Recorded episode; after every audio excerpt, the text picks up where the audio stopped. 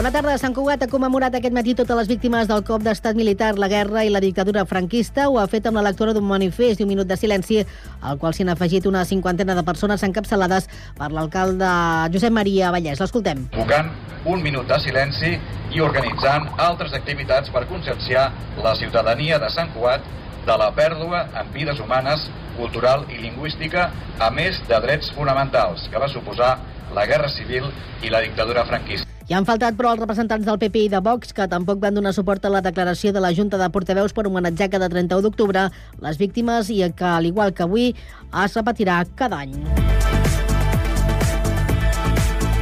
És dimarts 31 d'octubre de 2023 i també és notícia el reclam que fa la web Sendia Coliving.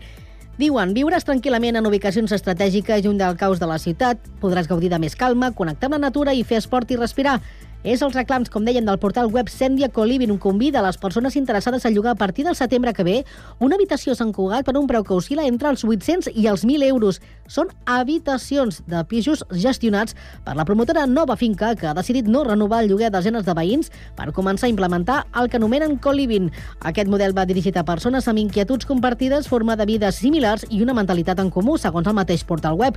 Una realitat, però, que està expulsant famílies que no es poden permetre els lloguers actuals de la ciutat. Mata de Pere, Joan Just d'Esvern i Sant Cugat, igual que el 2020, tornen a ser els municipis catalans amb una renda mitjana anual per habitant més alta al 2021, que oscil·la entre els 24.091 euros de Mata de Pere i els 21.888 de Sant Cugat. Segons les dades publicades per l'INE, en les 10 primeres posicions d'aquest llistat de l'estat espanyol hi ha quatre localitats catalanes de la demarcació de Barcelona. A més d'aquestes tres, també hi ha Alella, completa la classificació amb 20.888 euros. Aquest informe apunta que a Catalunya hi ha un 44,4% de rendes altes. Foment del Treball ha distingit l'exlíder de Mutua Universal al Sant Cuatenc Juan Echevarria per la seva trajectòria empresarial. La patronal ha destacat d'Echevarria que ha estat una figura referent en el món empresarial, docent, social i institucional, després d'estar al capdavant d'empreses com FEXA, Nissan Motor Ibèrica i Mutua Universal, entre d'altres. La mateixa nit també han reconegut la feina del president de Fiat Assegurances, Joan Castells, amb la medalla d'honor a l'empresari de l'any. D'ell n'han destacat amb el seu lideratge Fiat ha passat de ser una petita companyia centrada en l'automòbil a una gran asseguradora.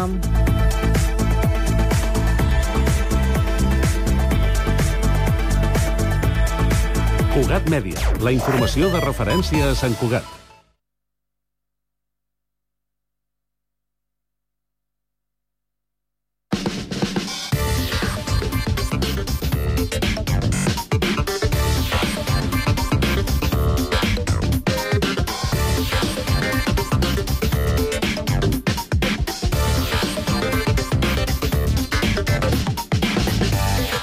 De la tarda, 3 minuts, inici d'aquesta segona i última hora d'aquest Connectats de dimarts amb aires de divendres per allò de la celebració de la castanyada o Halloween, segons els gustos. Però per no perdre la tradició, com sempre, informació de servei a aquesta hora, comencem pel trànsit. Jessica Rius, quina és la situació a aquesta hora de la tarda? Doncs com ja va sent habitual, hi ha retencions a la B20 a Barcelona en sentit nord cap al nus de la Trinitat. De moment, això és tot segons informa el Servei Català de Trànsit. Molt bé, doncs comprovem com està funcionant el transport públic. El Transmet, Albert Garram, bona tarda. Doncs avui dimarts destaquem que encara hi ha afectacions que poden superar, en aquest cas els 45 minuts a la línia R4 de Rodalies derivat d'un robatori de material a les instal·lacions a Martorell. Pel que fa a la resta de la xarxa de transport públic, excepte alguna alteració aïllada a tram ja solucionada, podem parlar de normalitat a la resta de l'àrea metropolitana. Recordem, això sí, finalment, que la línia R3 de Rodalies va recuperar ahir el servei entre Mollet, Santa Rosa i Parets i continua funcionant amb servei alternatiu per carretera entre les estacions Parets i el Figaró, fet que provoca que els temps de desplaçament siguin superiors als habituals. De moment això és tot des del Transmet.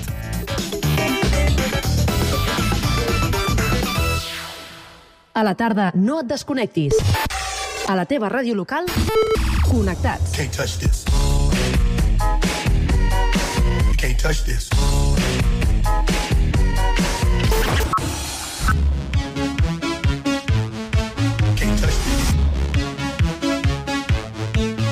Connectats. Connectats amb Carme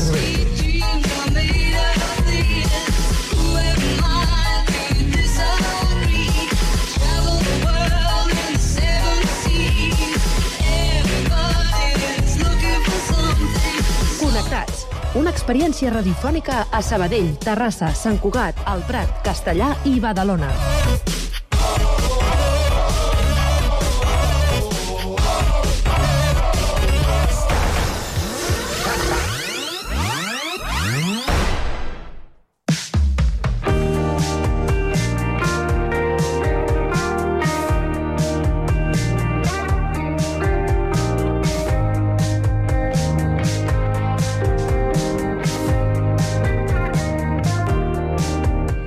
La Fundació Ateneu Sant Roc promou diferents projectes educatius, culturals, socials i de lleure adreçats als infants, joves i adults del barri, tot coincidint de manera especial en els eh, col·lectius en risc social.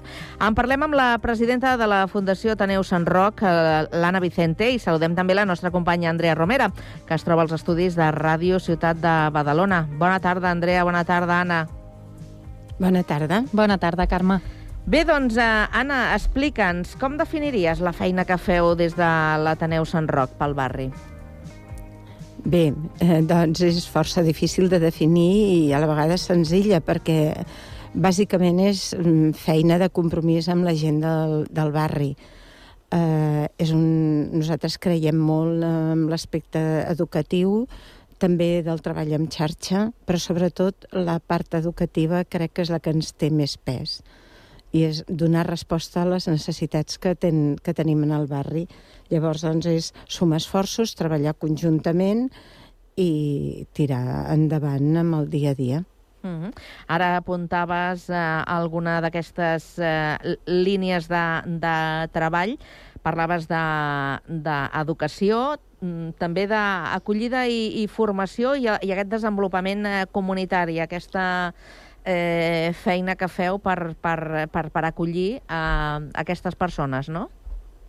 Sí, de fet, hi ha tres línies d'actuació, que són les que tu deies, no? La d'infància i joves, que ens adrecem a infants doncs, des de 0 anys fins a, que són 17-18, amb diferents projectes.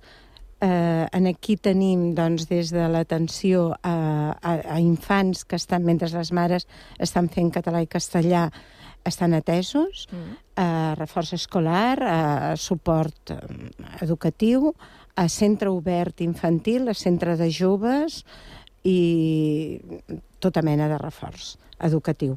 Després tenim l'acollida i formació, la que nosaltres li donem també molt pes, perquè pensem que l'acollida, mm, tal com mirem a la gent només entrar per la porta, doncs és una manera d'adreçar-nos a eh, o un altre. Eh, nosaltres, al cap del dia, entra doncs, més de 200 persones, forces més, i eh, sempre tenim una persona, normalment voluntària, acollint a la gent. I aquesta acollida doncs, és la mirada i l'escolta, una escolta activa, intentant donar resposta a tot allò doncs, que sorgeix. A vegades és senzillament un document, a vegades és demanar suport per formació, a vegades és un dubte, a vegades és demanar què fem i en què poden venir i què poden participar, etc. I després eh, aquí també tenim formació doncs, de TIC, tenim la formació de tot el grup de voluntariat, tenim formació de reforç alumnes de batxillerat i d'ESO, eh, reforç a la lectura, etc. I després també tenim tot el tema de desenvolupament comunitari, que és l'Ateneu en xarxa, que és la dinamització sociocultural, mm, tenim també treball amb altres entitats del territori, amb altres ens també del territori, mm. com pugui ser el CAP, com pugui ser l'Institut, eh, l'escola L'Estonac, etc. I després també tenim tot un projecte, projectes transversals, sociosanitari, medi ambient i solidaritat. Uh -huh. I per fer tot això, que no és poca cosa, eh, s'ha d'estar organitzat i necessiteu molts recursos, moltes mans per fer tota aquesta feina. De quina manera esteu organitzats? És a dir, eh, l'entitat té eh, treballadors, eh, voluntaris? Quanta, quanta gent participeu en tot aquest engranatge? Eh, tenim treballadors, treballadors a, a, a temps complet, tenim 7 o 8, i després tenim gent a temps, per, a temps parcial, que són educadors, doncs sempre hi ha, a cada projecte hi ha un referent, i també es nodreix de molt voluntariat. Parlem entorn als 400 voluntaris. Mm. No vol dir que siguem 400 persones, sinó que hi ha 400 intervencions. Un voluntari pot estar en més d'un projecte. Eh? Però realment amb això mm, tenim una sort immensa perquè tenim voluntaris des de molt joves, com és tot el tema de l'esplai, tot és voluntariat, a mm, gent de 80, 85, 86, 87 anys en aquest moment treballant activament. Mm. I en quant a socis, és a dir, aquelles persones que assisteixen a l'Ateneu per fer algunes de les activitats que organitzeu, quants són, més o menys? Perquè abans comentaves que passaven unes 200 persones al dia. Sí, una cosa són els participants i l'altra els socis. O sigui, els socis són els que donen suport econòmic i també voluntari, voluntaris, però el, els participants són des dels infants, dones al matí tenim en torn a les 80 llarg, 90 per dones, fent català i castellà, també tenim altre de suport a, a la a la a Elna, que és un projecte amb mares joves, i després a la tarda tenim el centre obert infantil, tenim ja dic, el refor, els joves tenim tots els temes de reforços i després el divendres di, tenim l'esplai. Divendres a la tarda podem tenir entorn als 130-140 nois i noies. Diries que hi ha més nens o infants que adults? Quin seria el percentatge, més o menys? Depèn. No, al matí, ja et dic, tenim en torn a 90 dones, després també tenim altres activitats, com és el grup de muntanya, com és el grup de botges, com és el grup de, de zumba, la coral... Vull dir que jo diria que mm, si fa o no fa, el volum podria ser el mateix, la quantitat. Ara has comentat el tema de l'esplai del cap de setmana i et volia preguntar quina importància li doneu a l'àmbit del lleure des de la Fundació per a l'educació dels infants? Molt, molt, perquè els infants el lleure és bàsic. Eh, molts infants dels que tenim nosaltres, també dones en aquest moment de, de, de pakistaneses, marroquines, índies, eh, si no tenen aquest espai de sortida del, del barri l'esplai també dintre del territori, però també de sortida, de gaudir de la natura, de poder fer, mm, doncs això, una sortida a la muntanya, una sortida de colònies a l'estiu, doncs no sortirien, no es bellugarien del barri. Per tant, nosaltres li donem molta importància també a la part de relació, perquè aquest lleure doncs, implica també molta relació, no només coneixement de l'entorn i de la natura, sinó també molta relació entre les persones que hi participen, adults i infants, que es crea doncs, una singularitat de relació molt, molt, molt maca. Després d'entendre una mica més com funcioneu com a entitat, m'agradaria anar als orígens de l'Ateneu. El moviment associatiu del barri de Sant Roc ha nascut i ha crescut en paral·lel més o menys a la vegada que el barri, des dels anys 40, quan era una zona de camps, fins als 60, 70, que neix al barri i comencen a arribar famílies, eh, migrants de Barcelona, sobretot. Ens pots explicar una mica en quin moment neix el moviment associatiu, en quin moment apareix l'Ateneu i com s'ha anat relacionant amb els habitants de Sant Roc. Sí, el, el barri, de fet, eh, comença eh, com a barri, com edifi amb edificis i de més, a l'any 66, però neix arrel de les riuades que hi ha de, al 62, i llavors dels damnificats es situen en uns barracons en, en el barri. A l'any 66 comencen a arribar els habitants i, a més a més, doncs, arrel d'unes maniobres que es fan eh, militars i marines, doncs es decideix mm, trencar, treure el, el Somorrostro. El Somorrostro, més tota la muntanya de Montjuïc, que també tenia barraquisme, més altres zones, més tota la construcció de l'autopista, tota aquesta gent passa a ser els nous habitants del barri de Sant Roc, que això serà l'any 66. És un barri polígon, el més gran de, de Badalona, i és un barri amb vivendes molt petitones, des de 42 a 60, de 48 a 62 metres quadrats, amb una població que normalment amb molts fills, per tant, molta vida, molta vida al carrer. Llavors, eh, immediatament es comencen a veure molts dèficits, de manca, doncs, no hi havia infraestructures, no hi havia pràcticament ni clavegueres, als anys 80 es farà un gran col·lector i clavegueres i es renovarà el barri, però fins i tot els materials eren molt dèbils, hi ha diferents morts, una criatura que cauen perquè les baranes es desfan, eh, sense semàfors doncs, hi ha accidents, el barri està sense asfaltar, tot això doncs, fa que el barri lluiti moltíssim. Llavors, com tots els moviments que hi va haver durant aquesta època, eh? tot el moviment que hi va haver durant els anys 70, i eh, aquí apareix l'any 69 el Centre Social, Centre Social que serà l'aglutinador d'aquestes lluites. Posteriorment, a l'any 87, l'Ateneu, gent que està participant en aquest moviment veu que també s'ha de treballar amb la gent, sobretot amb la infància, que està molta, inf molts infants al carrer, i a partir d'aquí es crea i també la part cultural, és dir, la part de social i cultural. I apareix l'Ateneu Popular Sant Roc, que dura fins a l'any 2005, en què es crea la fundació per temes doncs, de blindatge econòmic, de, també de, de transparència, per fer molt més transparent tot el que estàvem treballant. O sigui, aquesta seria la trajectòria. Llavors, acull, el barri acull primer molta població que havia vingut immigrant de Múrcia, d'Andalusia, d'Extremadura, i mm, posteriorment, als anys 2000, població pakistanesa, eh, xinesa, eh, índia, marroquina, que és la que tenim actualment. També molta població gitana que procedia del barraquisme que havíem dit que, es van, que van trencar sobre l'any 66. Tot aquest associacionisme que has comentat realment va tenir algun pes en la millora del barri? Molt, molt.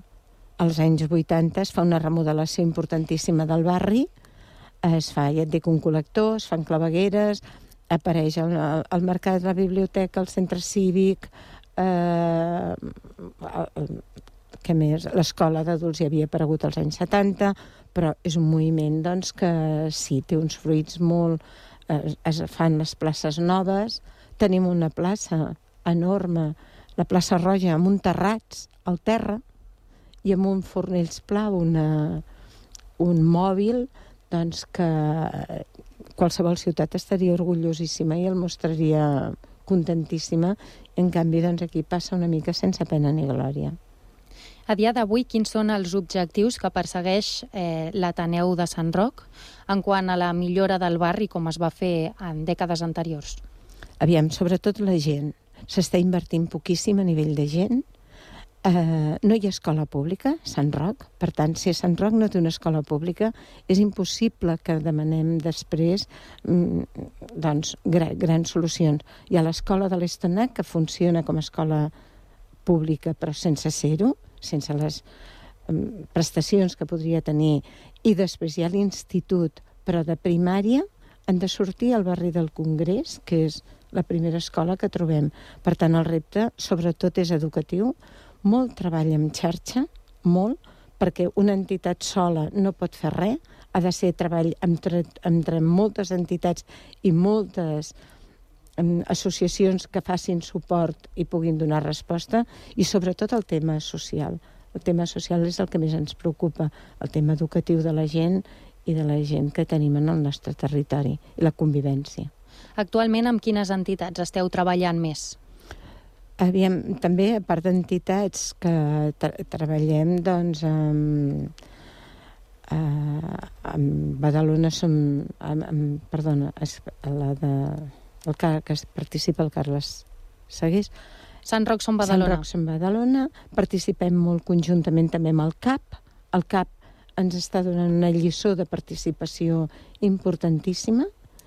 Eh, participem també amb l'Institut, participem amb altres entitats solidàries de Badalona, Roca i Pi i, i, i d'altres, i totes aquestes són les que configuren també amb, amb casal d'infants, eh, etc. Um, Pere Closa, o sigui, intentem aglu- aglutinar al màxim de força de cadascú del seu àmbit. Ara que has mencionat el CAP, fa més o menys una setmana vau inaugurar una exposició a la seu d'assistència sanitària, una exposició d'arpilleres, no? Sant Roc, un barri divers. Sí.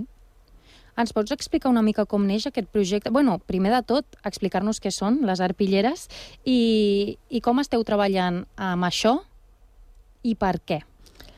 L'arpillera és, un, és una roba cosida amb, so- sobre roba de sac, que és l'arpillera.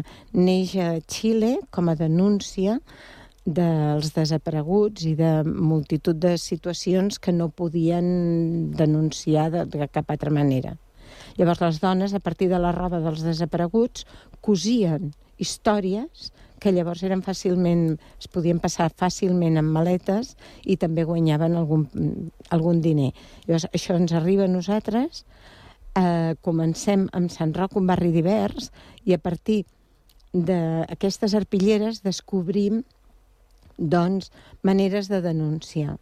Llavors, doncs, apareixen les indignades, apareixen multitud de, de, de projectes d'arpilleres, conflictes, eh, que es denuncien a través de robes cosides. Dones que millor no tenen veu o que no saben denunciar de cap altra manera, però en canvi amb el fil i l'agulla són capaces de fer meravelles. És un art. L'arpillera és un art i en aquest moment ens està servint doncs, com a ambaixadora eh, no només eh, en aquest moment està a la seu d'assistència sanitària, però han estat doncs, a Irlanda, han estat a Berlín, han estat arreu del món. Però aquesta és una activitat, eh, Anna, és una activitat eh, puntual o és una activitat que, que preteneu que tingui continuïtat? Té continuïtat, té continuïtat. Hi ha un grup fix que cada 15 dies es reuneix els dilluns a la tarda i decideixen quina temàtica treballaran. I tenen, doncs, diferents temàtiques i primer han de fer el disseny i després cadascuna d'elles denuncia doncs, si és el tema de la, dels desnonaments han fet sobre el tema de la, de la vivenda i dels desnonaments, dels fons voltors, etc. O sigui, té tota una temàtica i quan acaba fan exposició. I aquestes exposicions viatgen i són ambaixadores de, de, de l'Ateneu i de denúncies que fan les dones. I quin és el perfil de, de les persones que formen part d'aquest projecte? Doncs de tot, des de persones jubilades, eh, doncs ha des de treballadores del mateix Ateneu, eh, gent que s'ha jubilat, hi ha metges, hi ha mestres, hi ha dones del barri que amb les arpilleres han crescut i són capaces d'anar a qualsevol lloc com a representants d'aquestes arpilleres i que elles mateixes diuen que haguessin estat... no es ve, no, no s'hi veien i en canvi doncs, són les que representen amb més veu la força d'aquesta d'aquesta forma de denúncia. Uh -huh. I sabries quin, si hi ha alguna exposició propera? Eh, ara, en aquest moment, tenim aquesta al carrer València, que és d'assistència sanitària, i és la, la de mm, Sant Roc, un barri divers, que és la primera que es va, que, que es va fer i que eh, van dissenyar doncs, els dibuix... O sigui, van fer les arpilleres des de dones que acabaven... Feia molt poquet que havien arribat de Marroc, del Pakistà, eh, a dones que ja tenien tradició de treball amb l'Ateneu i, curiosament, doncs, la gran descoberta d'elles va ser que a l'explicar-se cadascuna la seva arpillera van descobrir que la migració era exactament la mateixa, el dolor de la migració era el mateix i la lluita pel futur dels seus fills i per un barri millor era exactament el mateix. Mm. També van sortir temes de la guerra civil, o sigui, van sortir temes que les mateixes dones es sorprenien de que els hi sortís de dintre i fossin capaces de plasmar-la amb una costura. déu nhi És una manera d'expressió que, que és diferent a la que segurament podem estar acostumats, però que la força que, que deu tenir i, a més, la utilitat per elles mateixes eh, mm, també és molt important, no? Sí, sí, sí, és un, una eina de denúncia i de creixement personal d'elles molt, molt important. Anna, quan fa que estàs eh, com a presidenta de la Fundació? Un any, un any, però com a voluntària fa 30. Em anava a dir, és que sembla que, que hi fossis tota la vida, 30 pràcticament. anys. Déu-n'hi-do, 30 déu nhi Doncs escolta, moltíssimes gràcies per haver acceptat la invitació del Connectats, passar avui pel programa i explicar-nos eh, doncs, tota, tota aquesta feinada que, que feu a, a Sant Roc a través de, de la Fundació Ateneu Sant Roc. Moltíssimes gràcies, que vagi molt bé i bona tarda. Gràcies, bona tarda. Andrea, no marxis perquè res, eh, en un moment, en uns instants, continuem canviant de tema i continuarem parlant des de Badalona. Fins ara. Fins ara. Aquí t'espero, Carme.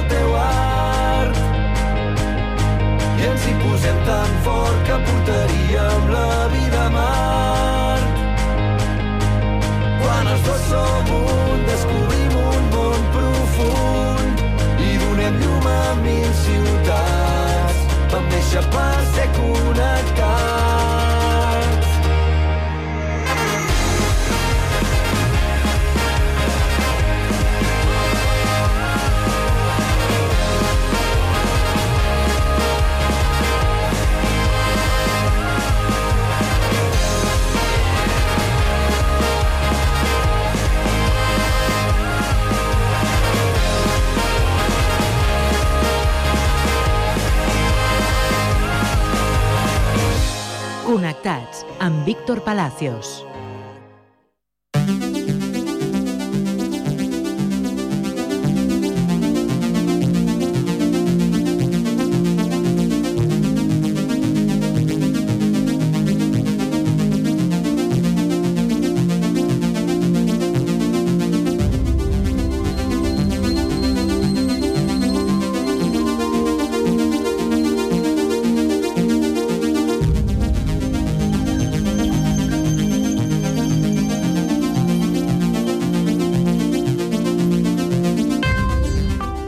Ara al Connectats eh, ens centrem en l'espai de salut avui per parlar dels nens i nenes amb trastorn del llenguatge, que representen un 7% del total de l'alumnat. Això vol dir que en una classe de 20 o 25 nens, com a mínim, dos d'ells patiran aquest trastorn. En parlem amb el catedràtic dels Estudis de Psicologia i Ciències de l'Educació de la UOC, Llorenç Andreu Barratxina. Bona tarda. Hola, bona tarda. També saludem de nou a la nostra companya Andrea Romera, que no s'ha mogut, eh, dels estudis de Ràdio Ciutat de Badalona. Andrea, bona tarda de nou. No m'he mogut, no m'he mogut. Bona tarda de nou, Carme. T'hem donat un respir, però ara continuem parlant, i en aquest cas, eh, de- d'aquest tema del trastorn del, del llenguatge, que li preguntarem al nostre convidat, al Llorenç, eh, que ens expliqui exactament eh, com, com l'hem d'entendre, com el definiries? Doncs eh, eh, bé, el, el nom, eh, diguem, el, el nom de, és trastorn específic del llenguatge o trastorn del desenvolupament del llenguatge? I és, és, un, és un trastorn que afecta al llenguatge oral, eh? no és un trastorn ni de lectura ni d'escriptura, que afecta al llenguatge oral i el que provoca amb els nens és que tenen dificultats per a expressar-se correctament i per a també comprendre els altres quan es parlen, és a dir, els afecta a, a, al llenguatge oral tant a, a nivell expressiu com receptiu però no va lligat necessàriament eh, a, a una discapacitat intel·lectual o auditiva. Uh -huh. És així. De fet, per a, per a tenir aquest trastorn eh, cal descartar que el nen tingui una discapacitat intel·lectual o un, una afectació diguem, a nivell sensorial, com per exemple una discapacitat auditiva o un altre, un altre trastorn com l'autisme. És a dir, és un trastorn primari que es diu, per tant, no derivat o no conseqüència de cap altre trastorn. Mm -hmm. I és possible que algú eh, confongui el trastorn del llenguatge amb la dislèxia. Eh, ens expliques la diferència? Sí, la, la dislèxia és un problema que afecta a la velocitat lectora, és a dir, el, el nen que té dislèxia té problemes per a llegir i concretament per a llegir amb fluidesa i el que fa és pues, llegir molt lentament i amb, i amb moltes errades. En canvi, com us deia, el, el trastorn de, del llenguatge oral, el, el, el, el TEL o TDL, afecta el llenguatge oral. El que sí que passa és que els nens que presenten un, un trastorn específic, específic de llenguatge, un TDL, tenen una major probabilitat de tenir després un, una dislèxia. Llavors, al, al voltant del 50% dels nens que tenen eh, un problema de llenguatge oral, després tindran un problema eh, diguem, de lectura com la dislèxia. Es coneixen les causes d'aquest TDL? No es coneixen les causes perquè no té ningú, ningú correlat, diguem, neur, neuronal ni, ni, ni, ni fisiològic, és a dir, no hi ha ninguna malformació ni, ninguna, ni, ni, ni qualsevol afectació eh, evident. Eh, és un trastorn del neurodesenvolupament, per tant, sí que és conseqüència d'un de, diguem, a nivell de, de, de sistema nerviós central, però la causa concreta no està determinada. Tampoc no hi ha cap... Eh, cap, eh, o sigui, cap, no, és, no és un síndrome ni està, ni està derivat de cap, de cap eh, qüestió mèdica coneguda.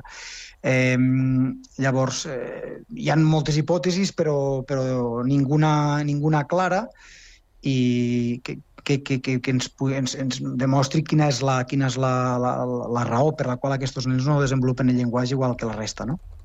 En tot cas, quins símptomes presentaria un nen amb TDL? És a dir, quines senyals uh -huh. ens poden ajudar a detectar uh -huh. que aquí hi ha un problema i que aquest problema doncs, podria ser justament aquest trastorn?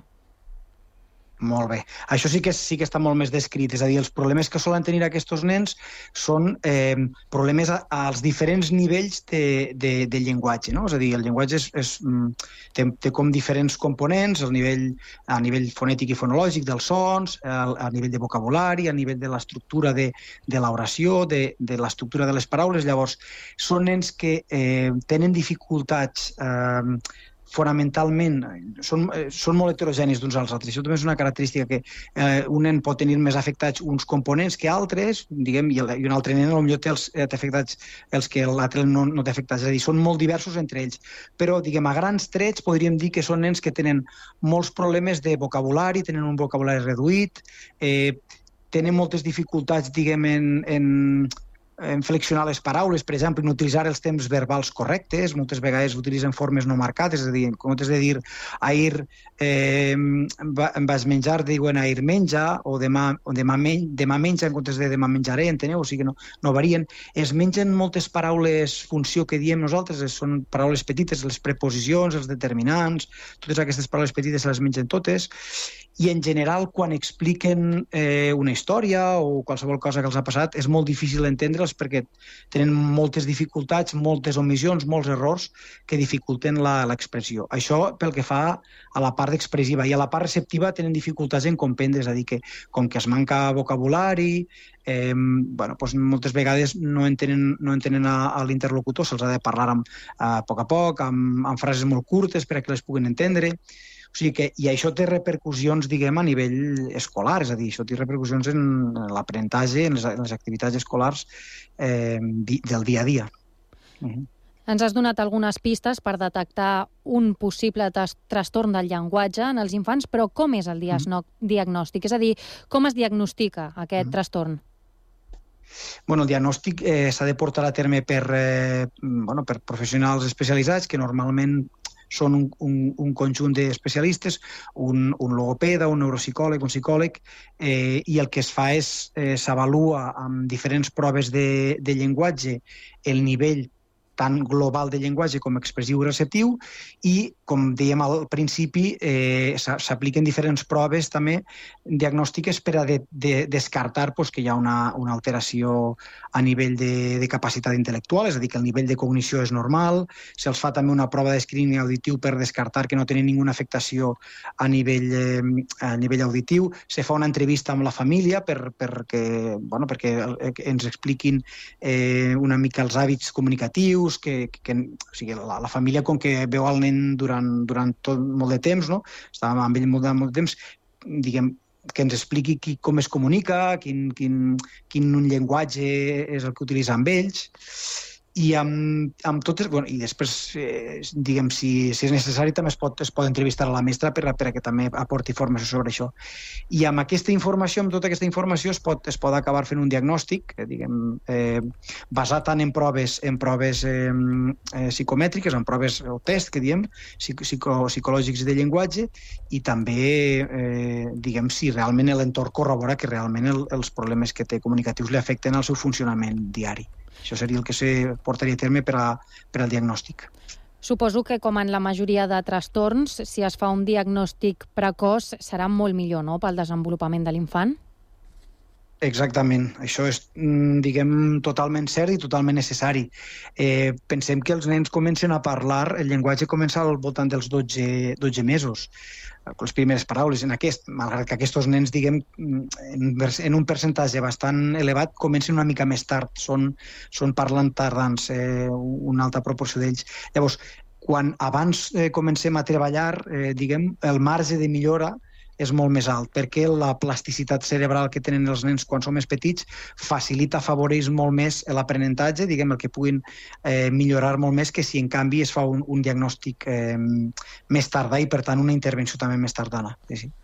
I un cop fet el diagnòstic, quines eines es dona als infants o als pares per treballar aquest trastorn? Doncs eh, aquest trastorn requereix una intervenció sistemàtica, eh, diguem, de logopèdica. Això és el que generalment es, es porta a terme. És a dir, el logopeda és la persona que marca el treball que s'ha de portar a terme i moltes vegades eh, aquesta intervenció se fa de forma col·laborativa a les famílies. És a dir, que les famílies també poden aprofitar pues, molts espais, estan moltes hores amb, amb els infants i, per tant, eh, bueno, diguem, eh, se, se poden comunicar i poden, es poden ajudar a, a, a, la, a, la, a la teràpia. Llavors, en, en diferents moments, com en qualsevol rutina diària, quan s'aixequen, quan van de, des de eh, la casa a l'escola, quan s'estan banyant, és a dir, eh, el, el, les famílies poden ajudar per a treballar, reforçar aquells aspectes, diguem, comunicatius i lingüístics que la logopeda està treballant d'una forma més sistemàtica i més, més organitzada. I pel que fa a les escoles, des de les escoles s'ha de proporcionar una educació especial diferent a la de la resta de nens o, o com s'ha de gestionar? Quin hauria de ser el rol de l'educació? Bueno, a, a nivell educatiu, aquí a Catalunya tenim els CREDA, que són els, els, els serveis educatius que atenen els nens amb, amb trastorns de, de llenguatge. I a més a més a, a nivell d'aula també és molt important pues, eh, fer-li una sèrie d'adaptacions, és a dir, pues, el que comentàvem abans, que se'ls parli a poc a poc, que se'ls miri, que, que, que com, comprovem que ens està atenent quan estem explicant alguna cosa, que comprovem que realment ha entès allò que, que li estàvem explicant, Eh, I després també, eh, al, tenir, al tenir problemes de llenguatge, doncs, aquests nens eh, els, els, els és molt útil el suport visual, és a dir, quan estem explicant eh, continguts o qualsevol tipus d'informació, utilitzar moltes imatges que suporten, que ajuden a, a, a, als nens a, a poder conèixer allò que s'està explicant, perquè a nivell verbal es perdran, es perdran moltes, moltes coses. No? Vull dir que al final a l'escola el que s'ha de fer és un treball més específic no? de, de, de, del professional del CREDA i, a més a més, eh, a les aules també s'ha de fer una adaptació per ajudar a que puguin accedir a, al currículum eh, diguem, amb altres vies diferents a la, a la purament lingüística, que és la que ells tenen dificultats. Llorenç, una última qüestió. Ara que parlàvem d'aquest treball que s'hauria de fer, aquesta teràpia eh, pot permetre eh, eliminar aquestes dificultats? Eh, el, jo no parlaria mai d'eliminar ni de curar, parlaria de que un treball mm, sistemàtic, conscient, eh, continuat, eh, el que pot és arribar a compensar, és a dir, no- un nen que té TDL no es curarà mai. És el mateix que, un nen que té dislèxia, sempre serà dislèxic, però es pot arribar a compensar eh, el, el, les mancances, diguem, a nivell lingüístic i comunicatiu mm, fins al punt de que puguen arribar a ser funcionals. Per a poder assolir això, el, el que tu deies, l'important és eh, treball, detectar precoçment i treballar des del primer moment eh, amb, amb aquests nens. És a dir, intentar, mm, intentar maximitzar al màxim les seves potencialitats. Doncs eh, Llorenç Andreu Ratxina, catedràtic dels Estudis de Psicologia i Ciències de l'Educació de la UOC. Moltíssimes gràcies per atendre la nostra trucada i per passar avui pel Connectats. Que vagi molt bé, bona tarda. Molt bé, moltes gràcies a vosaltres. Bona tarda. Adéu. I bona tarda, Andrea. Bona tarda, Carme. Adéu-siau.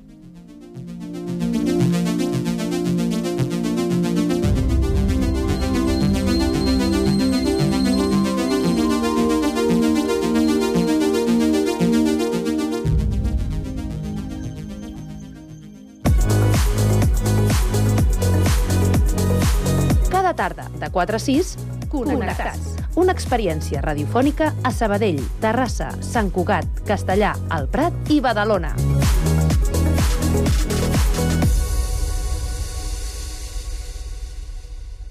Hola, sóc la Inoa del Prat i avui vinc a parlar-vos de la pel·lícula Les xiques estan bien, un conte d'estiu sobre la convivència entre quatre actrius i una escriptora que assagen una obra de teatre en un antic molí apartat del món. Les línies entre documental i ficció, persona i personatge queden difuminades. Itza Sorana, directora i guionista del llargmetratge, manté el paper de directora i escriptora dins l'univers del film, i com el seu personatge, ella escriu i fa que la pel·lícula avanci amb cada xerrada, amb cada moment de complicitat. Les mateixes actrius interpreten també personatges que es diuen com elles, compartint narracions que coincideixen amb les pròpies experiències vitals. La pel·lícula està particularment en sintonia amb les intimitats físiques de l'amistat femenina. Podem veure el contrast entre relacions d'amistats ja establertes i d'altres recents. Les noies es comencen a conèixer i a entendre a través dels materials que planteja l'obra amb converses sobre la vida, la mort, el procés creatiu, l'amor o la fe. No hi ha competència, sinó sororitat i comprensió entre totes. Pot semblar una pel·lícula que el com cursi, però és una sensibilitat justificada. És senzilla, però bonica i transparent. La naturalitat de la gravació et fa sentir com si es tractés del teu grup d'amigues, i les reflexions són realistes i properes. ¿Quieres un poco de zumo? Sí. No, no, no, yo pienso que... Hola. a probar la crema este. Hola. Hey Bien. Bonjour Hey. Ay, hola, hola. Hola. Hola. ¿Y las chicas están bien? Nada, con tocarme las tetas. Estoy bien. ¿Cuánto tiempo llevo aquí? Tres. Vale, vamos a retomar, perdón. ¿eh? La idea es ensayar por las mañanas, tiempo libre por las tardes. Yo, por ejemplo, nunca me he declarado a nadie. Eh, ¿Podemos ir al río? Y me han dicho que el fin de hay fiestas en el pueblo. ¿eh? Entonces, ¿por qué saliste tú? ¿Por curiosidad, por deseo? Por rebeldía. Por rebeldía.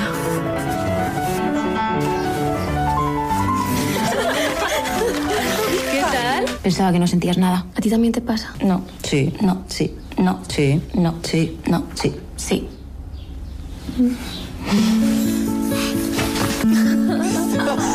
Claro, es que hay cosas que no se pueden actuar, ¿no? ¿Cómo se interpreta un enamoramiento si no lo has vivido? Es como...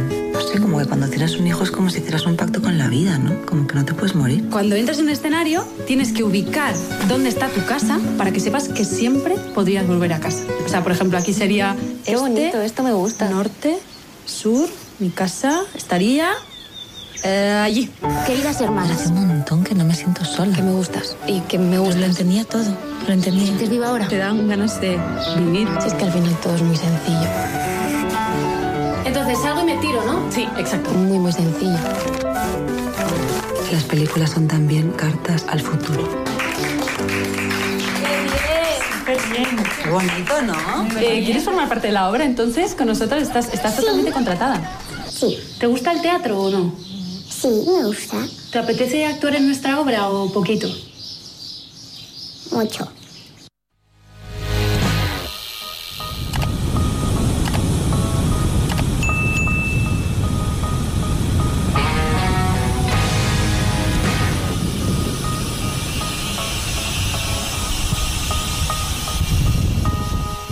A la tarda, no et desconnectis. A la teva ràdio local, connectats. Can't touch this. Can't touch this.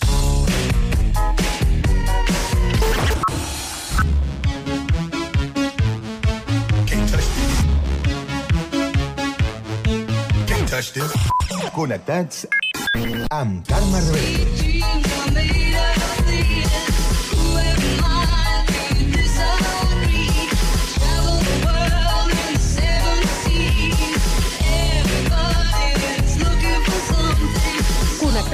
Una experiència radiofònica a Sabadell, Terrassa, Sant Cugat, El Prat, Castellà i Badalona.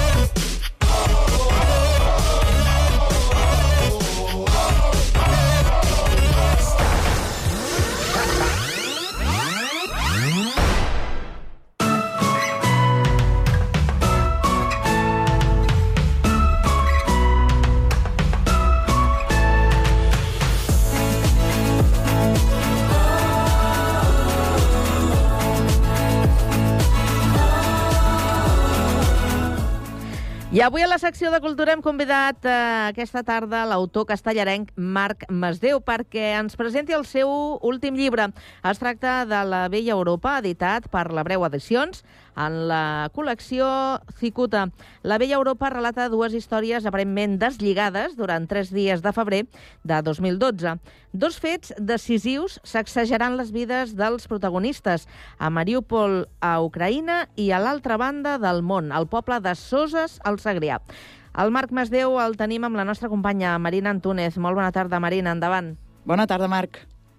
Bona tarda. Parlàvem d'aquest llibre, La vella Europa, que és una novetat editorial eh, de, bueno, escrita per tu mateix i que ens parla de què? Fes-nos cinc cèntims del tema de La vella Europa. Doncs La vella Europa són dues històries situades a l'Europa contemporània. Una, una història se situa a Ucraïna, a la ciutat, vaja, a la part que encara existia, la ciutat de Mariupol, i l'altra se situa al poble de Soses, eh, al Segrià. Uh -huh. Aquestes dues històries eh, sempre sembla que vulguin tenir un punt en comú, però això ja es anirà veient al llarg de la novel·la. Val. És una novel·la històrica, doncs. Bé, de fet, el, la novel·la se centra en tres dies de l'any 2012. Ara sí que seria una novel·la històrica, eh, perquè, entre altres coses, Mariupol ja gairebé no existeix. Eh, només en queda una part. Marc, per què tens necessitat de parlar d'això? Bé, de fet, eh, com et deia abans, eh, la, la trama són tres dies de l'any 2012 i, evidentment, jo no sabia res del que passaria actualment a, a Ucraïna. És una coincidència. Eh, vaig escriure per això, perquè em volia centrar en aquella part d'Europa i va ser casualitat que fos Mariupol i la gran gràcia, si és que en té alguna a la novel·la, era comparar la vida eh, en aquesta part d'Europa amb la part d'Europa on m'ha tocat viure a mi. Uh -huh. Val. Sempre has tingut inquietuds per parlar de, doncs, de, de la història contemporània? Mm, no especialment. De, de fet, agafo un tema i a partir del tema el desenrotllo on em sembli més bé, perquè el, la primera novel·la, la, que vaig publicar també en la Breu l'any 2013, que es titulava Peus de fang, se centrava en la, la Guerra Civil Espanyola. Val. Què I, i, la segona, i, la segona, I la Segona Guerra Mundial. Val, val, val. Què significa la literatura per tu? És a dir, forma part de la teva necessitat d'explicar-te o d'explicar el món o és també la teva professió i busques doncs, temes que puguin ser d'interès per a altres? Eh, com, com, com la vius, aquesta literatura que tu expliques? Difícil parlar de professió quan parlem de literatura catalana. Uh, això primer. I llavors, sempre m'ha agradat llegir, sempre m'ha agradat escriure. Des de fa 26 anys que formo part d'un programa de ràdio a Mata de Pere Ràdio, que es diu No pot ser mentida, que és un programa de poesia. I a partir d'aquí doncs, vaig començar a escriure els primers versos i com la majoria de joves que es dediquen a la, a la literatura, es comença per la poesia i així es va fent camí. Jo he tingut sort d'anar-lo seguint fins ara. Uh -huh. I forma part de la meva vida en el sentit de que eh, ocupa moltes hores de la meva vida. Val, val. Però et dona per viure? Vius de la literatura? Mm, no, evidentment no, visc de la literatura.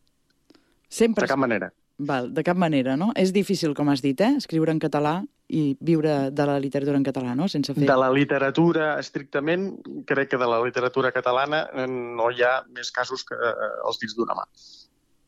Val. Tornem al llibre, La vella Europa. És un llibre doncs, que ens parla d'aquestes dues històries doncs, que semblen deslligades però que no ho són. Um, per a qui l'has pensat, aquest llibre? Per les persones que són aficionades a, doncs això, a les novel·les històriques, per persones que són aficionades a les aventures, per persones que busquen més la psicologia humana? Per qui, per qui va, a qui va dirigida? Jo quan escric no penso en ningú. Eh, em sembla que, que, que és la clau per escriure el, el millor que jo pugui fer. Perquè si penso a, a qui ho podria dirigir, crec que pervertiria molt la meva manera d'escriure. Eh, intento escriure el millor que puc, eh, exigint-me al màxim a nivell literari, i vaig escriure això sota un lema, si es pogués dir d'alguna manera, que era la, la poca diferència que podria haver-hi entre un lloc i un altre, entre una trama d'una naturalesa i una altra que sembla que sigui d'una naturalesa molt diferent, que en el fons no hi ha, no hi ha massa diferència. Uh -huh. Publiques amb la Breu Edicions, ja ho has fet altres vegades, per què tries aquesta Sí. editorial? Bueno, bé, tinc la sort que ells confiïn en mi, especialment per la relació que tinc amb el, amb el Marc Romera, que és l'editor de, la, de la part de poesia i un dels socis de, de l'editorial, però també m'agrada- m'agradaria donar les gràcies a, a, la, a la part eh, que s'ocupa de la narrativa, que és la- l'Ester Andorrà i la Teresa. Uh -huh. Molt bé. És un llibre que ja trobem a les llibreries. Quina ha estat la resposta del públic? Dels lectors, vaja. Ac- Acaba, acaba de sortir eh, fa 15 dies, diria, 15 dies, 3 setmanes, no sé la resposta que, que té dels lectors. I dels que tu hagis pogut saber que ja l'han llegit, perquè els l'hagis deixat llegir o així, en tens Vale, algun input o no? Bueno, els meus lectors de confiança, en principi, eh, potser tenen massa confiança en mi, en el sentit de que et diuen el que t'han de dir, però el projecte els hi semblava bé, i els que l'han llegit, en principi, tinc bona resposta.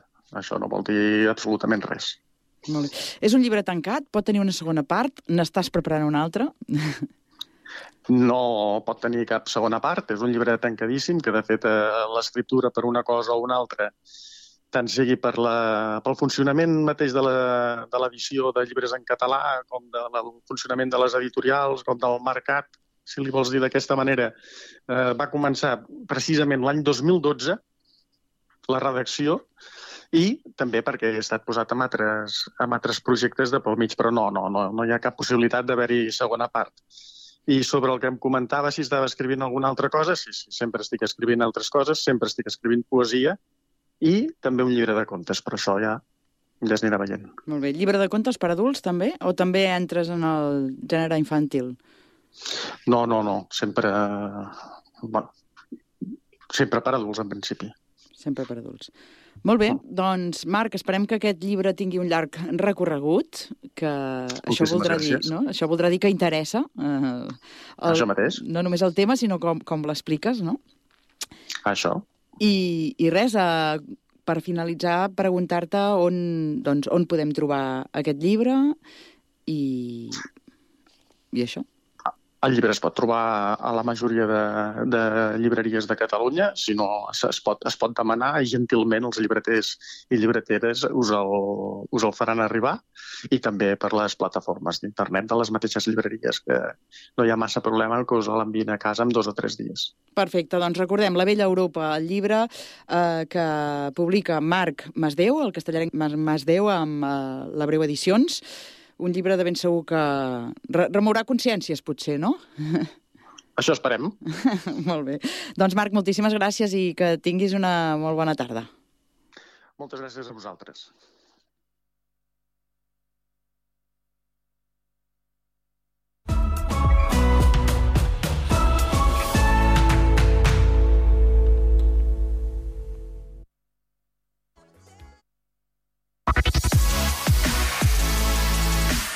Connectats, una experiència radiofònica a Sabadell, Terrassa, Sant Cugat, El Prat, Castellà i Badalona.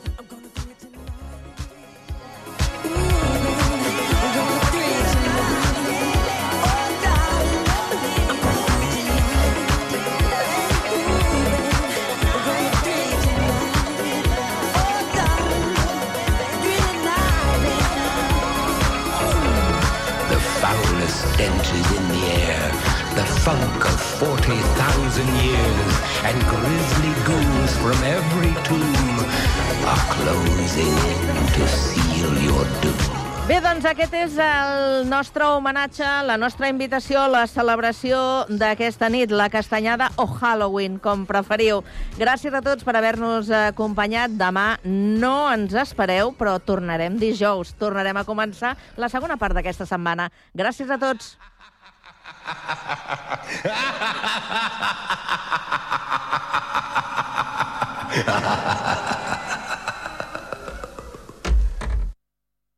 No és el mateix ser els integrants del millor grup de la història que ser el millor grup de la història.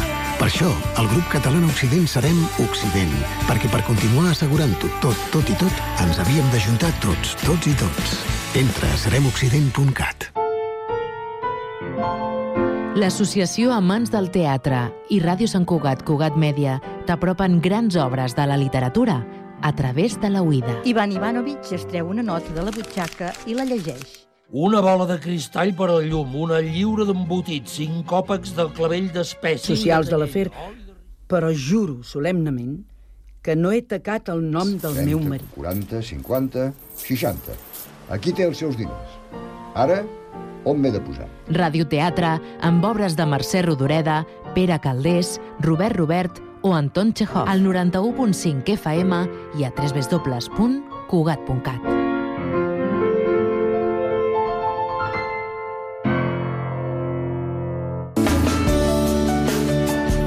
Ràdio Sant Cugat. 91.5 FM.